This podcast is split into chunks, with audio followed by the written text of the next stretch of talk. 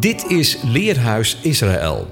Met elke week de bespreking van een gedeelte uit de eerste vijf boeken van de Bijbel. De presentator van deze week is Arnold Visser.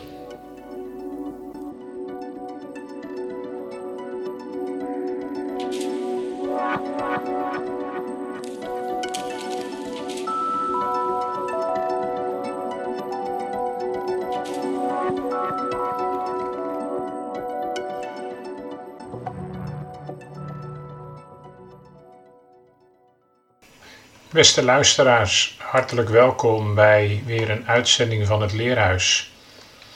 Dat de aarde rond is, daar is nauwelijks twijfel meer over. Maar omdat hij rond is, is ons blikveld juist beperkt. In het beste geval kunnen we op vlakten hooguit 7 tot 8 kilometer ver kijken. Verder reikt onze blik niet.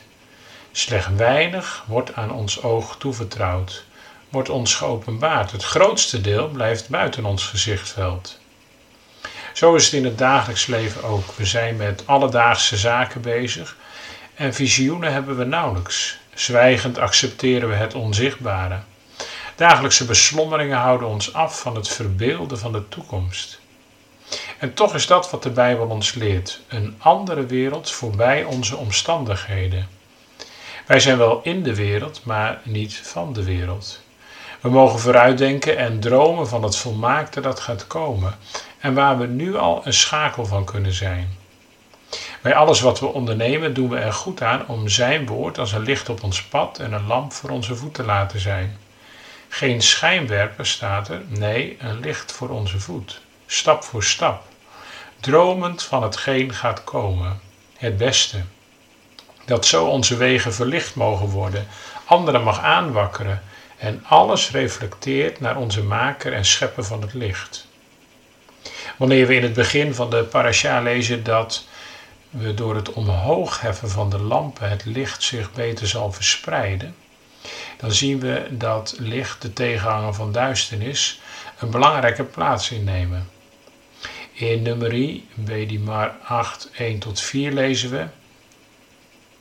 En de Heere sprak tot Mozes, zeggende, Spreek tot de Aaron en zeg hem in het omhoog heffen, BH van de lampen zullen de zeven lampen voor het lampstatief licht geven. En Aaron deed dit. Hij schikte de lampen naar de voorzijde van het lampstatief, zoals de Heere Mozes beveelde.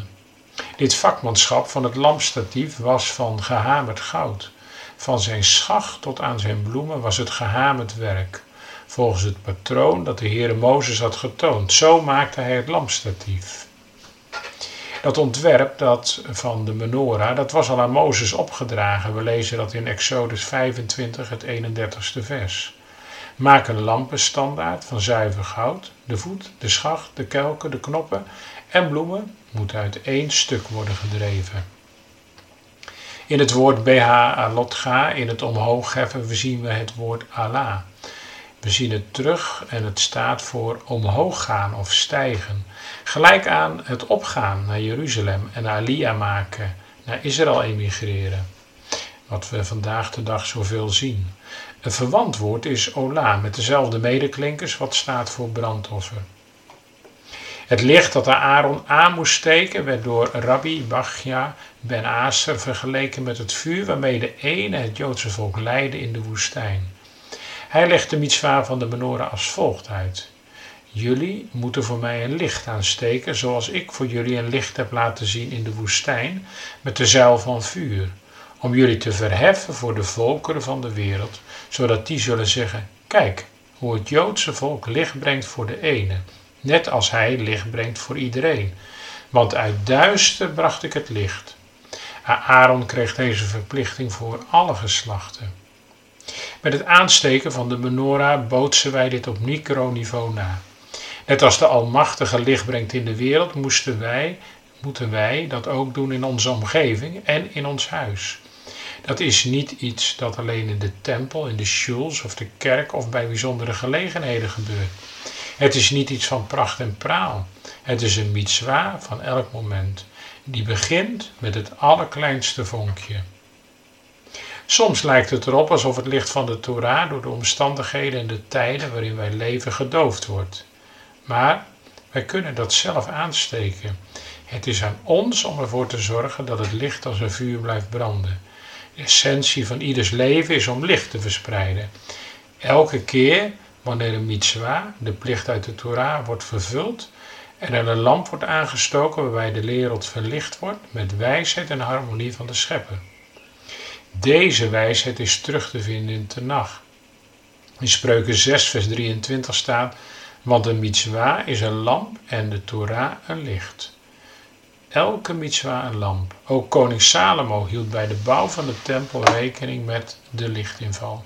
Hij maakte de ramen van de tempel van binnen smal en van buiten wijd, zodat het licht van de tempel de wereld kan verlichten. Het licht van de gouden kandelaar die in het heilig deel van de tabernakel en de tempel stond, moest dagelijks in de morgen en de avond onderhouden en vernieuwd worden. Het wordt daarom gestadig licht genoemd, ner tamid, hetgeen letterlijk staat voor eeuwig licht. We komen hiermee op de priesterlijke functie van het volk, door de profeet Jezaja omschreven als licht voor de naties.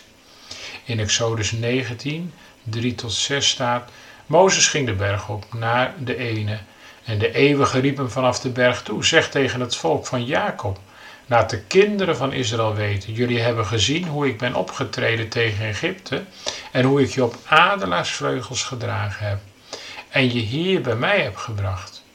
Als je mijn woorden ter harte neemt, als je aan het verbond met mij houdt, zul je een kostbaar bezit voor mij zijn, kostbaarder dan alle andere volken. Want de hele aarde behoort mij toe. Een koninkrijk van priesters zul je zijn, een heilig volk. Breng deze woorden aan de Israëlieten over. Jezaja schrijft vervolgens over Israëls opdracht. Dat je mijn dienaar bent om de stammen van Jacob op te richten en de overlevenden van Israël terug te brengen, dat is nog maar het begin. Ik zal je maken tot een licht voor alle volken, opdat de redding die ik brengen zal tot aan de einde der aarde reikt. Ook in Zacharia lezen we over de menorah. Wat zie je? vroeg hij. En ik antwoordde: Ik zie een lampenstandaard die helemaal van goud is met een schaal erop. En op die schaal zijn zeven lampen bevestigd. Zeven lampen met elk zeven tuitjes. De ene vraagt aan Israël de lampen te ontsteken en het licht moet naar voren vallen. Zeg tegen Aaron dat hij de lampen zo op de standaard zet dat het licht van alle zeven lampen naar voren valt. Licht dat naar voren valt is een licht op ons pad. Dan is ook duisternis voor u niet te duister en nacht is licht als de dag. De duisternis is als het licht. En Spreuken 20, vers 27 zegt: Een lamp van de ene is de levensadem van de mens.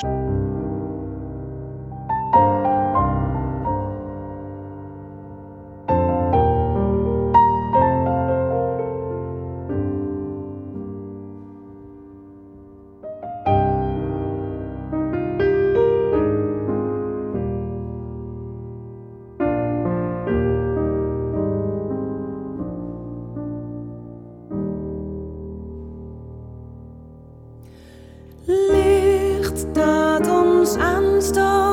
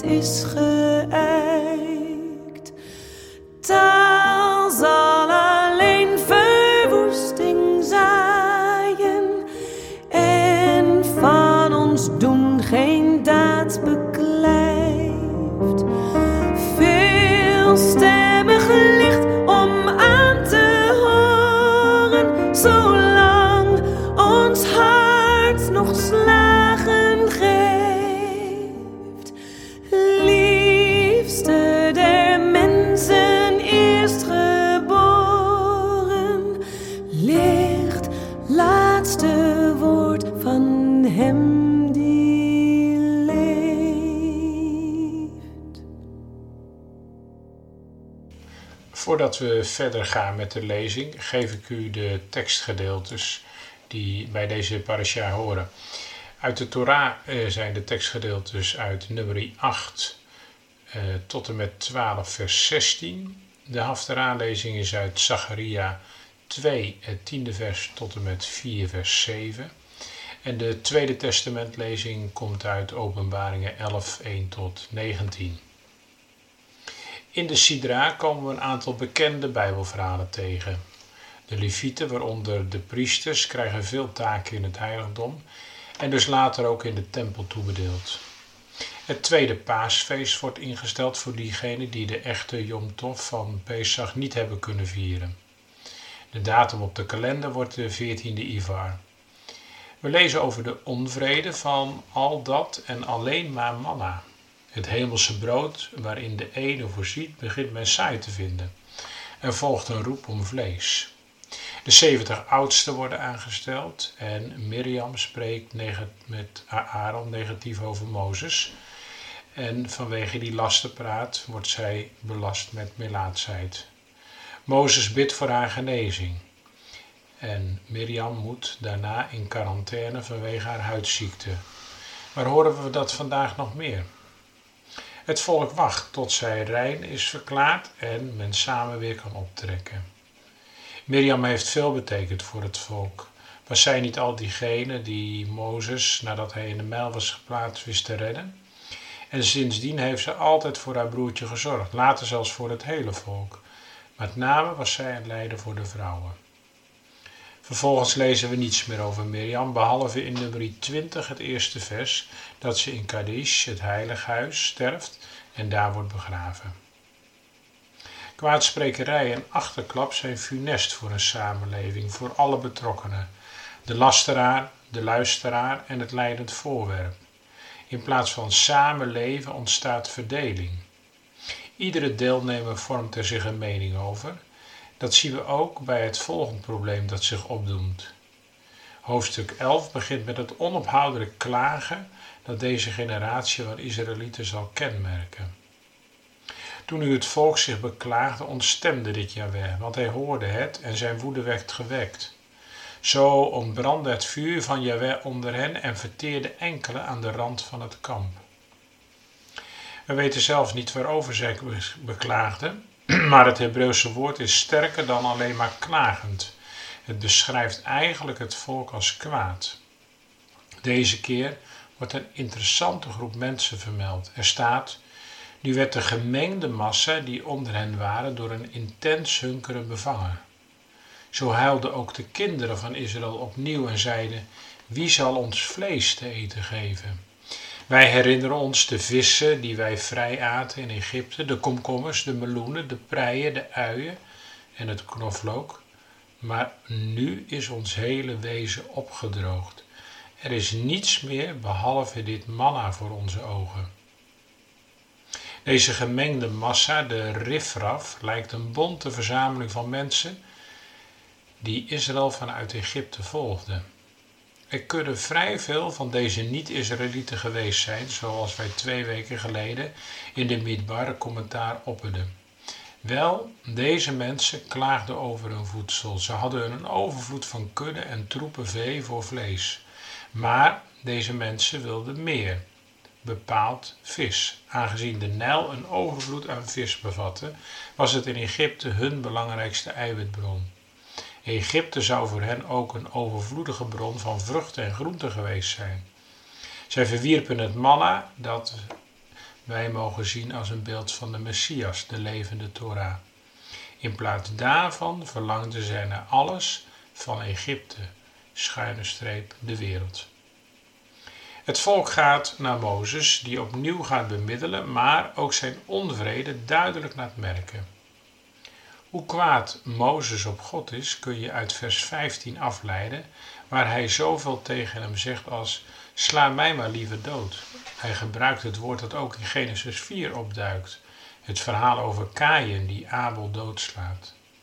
Dit woordgebruik tekent Mozes op dit moment. Woedend gooit hij het bijltje erbij neer. Er is meer aan de hand dan dat Mozes het gejammer van het volk zat is.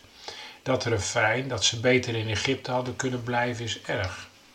Maar via de Nederlandse Bijbelvertaling suggereert men het recht dat Mozes zo kwaad wordt, niet alleen maar omdat het volk zo klaagt, maar ook de onhandelbaarheid van de Israëlieten is een zware belasting voor Mozes. Als dit de uitverkiezing is, dan hoeft het voor hem niet meer. Sla mij maar liever dood. Dan blijft verre ellende mij tenminste bespaard. Er klinkt iets depressiefs in die laatste woorden door. En dat is geen wonder. Depressiviteit heeft vaak te maken met een last die te zwaar wordt, met het leven niet meer aankunnen. In Mozes geval is de te zware last dat hij de verantwoordelijkheid te groot vindt om de onwillige Israëlieten naar hun bestemming te leiden. Zie vers 12. Ben ik soms zwanger geweest van dit volk? Heb ik het ter wereld gebracht? En dan wilt u mij gebieden om het in mijn armen te dragen zoals een voedster een zuigeling draagt? En het zo naar het land brengt dat u zijn voorouders onder Ede hebt beloofd?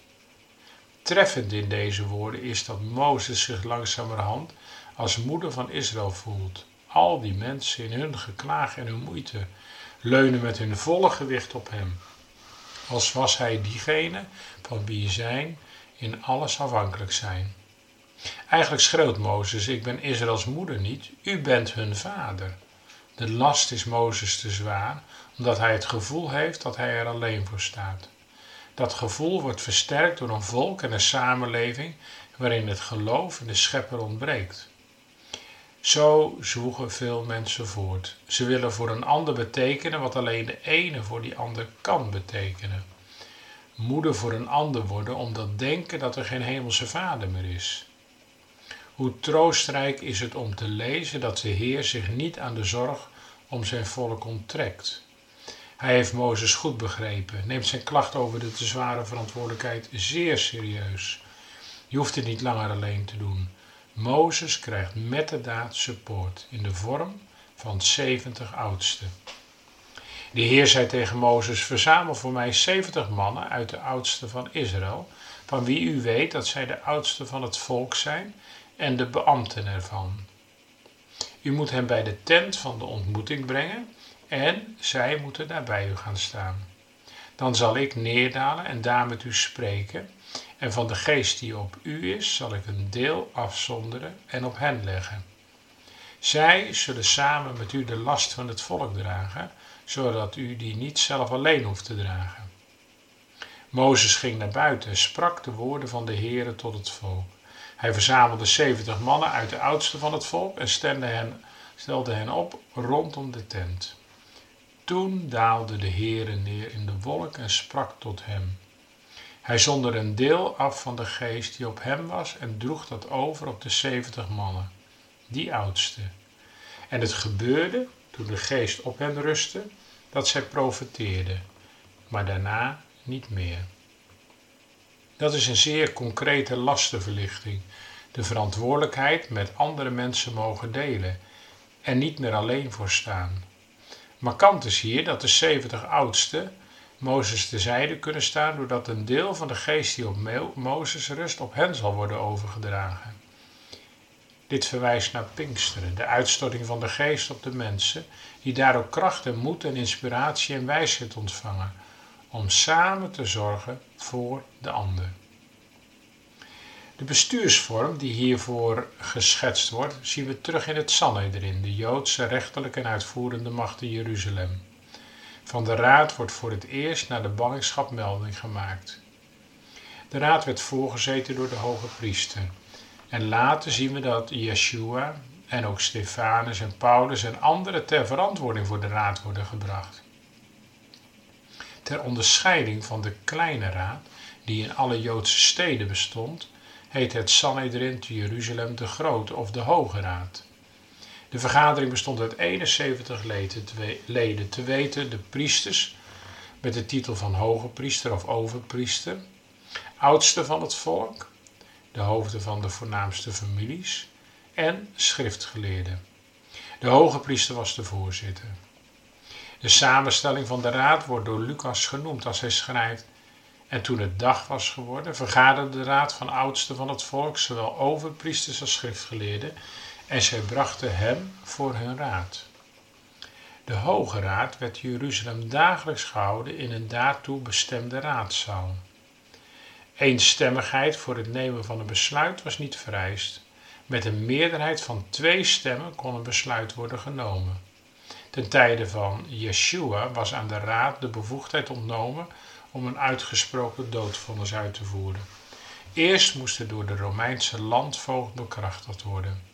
Daarom werd Yeshua door de raadsleden, een hele massa, aldus Lucas, voor de landvoogd Pilatus gebracht.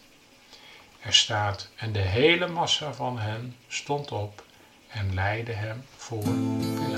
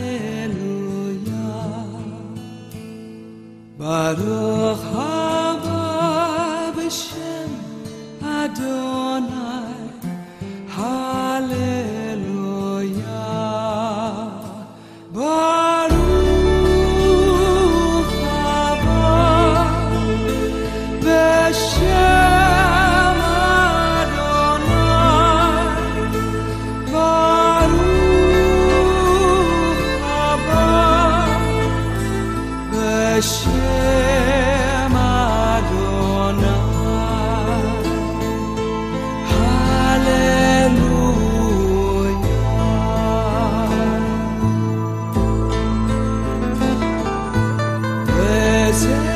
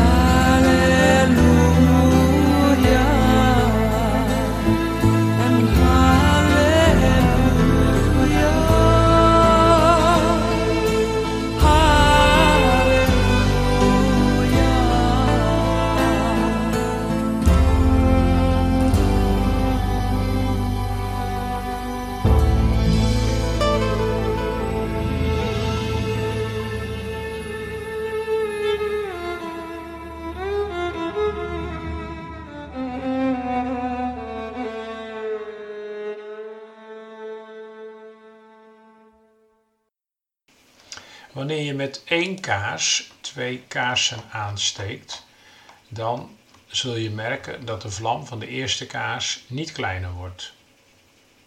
Zo was het ook toen de ene een deel van de geest die op Mozes lag op de 70 oudste legde. Daar werd de Heilige Geest niet kleiner van. En ook bij Pinksteren, toen Yeshua zijn geest op al zijn leerlingen legde, ook daar bleef de geest in grote gelijk. We hebben de afgelopen tijd veel over de klaagzang van het volk gehoord. Ze klagen de Heere hun nood, ze klagen over kwaad of onheil dat hen treft. De Heer heeft zijn volk bevrijd uit de slavernij in Egypte en hij leidde ze door de Rietzee en dwars door de woestijn naar de berg Sinai. Daar sloot hij ook een verbond met hen. En de afgelopen elf maanden hoeft het volk niet door de woestijn te reizen, maar heeft het bij de Sinaï gebivakkeerd. Maar dat verblijf bij die berg, dat is nu voorbij. Ze hebben hun tenten weer opgebroken, ze zijn vertrokken op weg naar het beloofde land. Dat is geen gemakkelijke tocht, ze moeten door de woestijn. Al maar lopen met hun kinderen, alle vee en alle bagage. En als wij willen vertellen dat we een moeilijke periode in ons leven hebben gehad, dan zeggen we wel eens: het was een woestijntocht. Dat het in zwaar valt, is best te begrijpen. Maar hadden ze reden tot klagen? De Heere was bij hen en zorgde ontzettend goed voor ze. In Deuteronomium 8 staat: Veertig jaar lang raakten uw kleren niet versleten en zwollen uw voeten niet op. Toch werd er wel veel geklaagd. Het staat er zo dat gezegd wordt: ze deden het steeds. Klagen werkt aanstekelijk. Ga maar eens klagen in je familie of in de kerk en je zult zien dat je zo anderen aansteekt. Maar de Heer wil niet dat zijn volk klaagt. Hij wordt hier zelfs woedend over. Hij laat een felle brand ontstaan aan de rand van het legerkamp van de Israëlieten. Een ernstige waarschuwing. De Israëlieten roepen dan Mozes te hulp en Mozes bidt en de ene laat het vuur uitgaan. De voedingsbodem van het klagen nummer 11 heeft te maken met vlees. Hier zien we een tegenstelling tussen vlees en geest.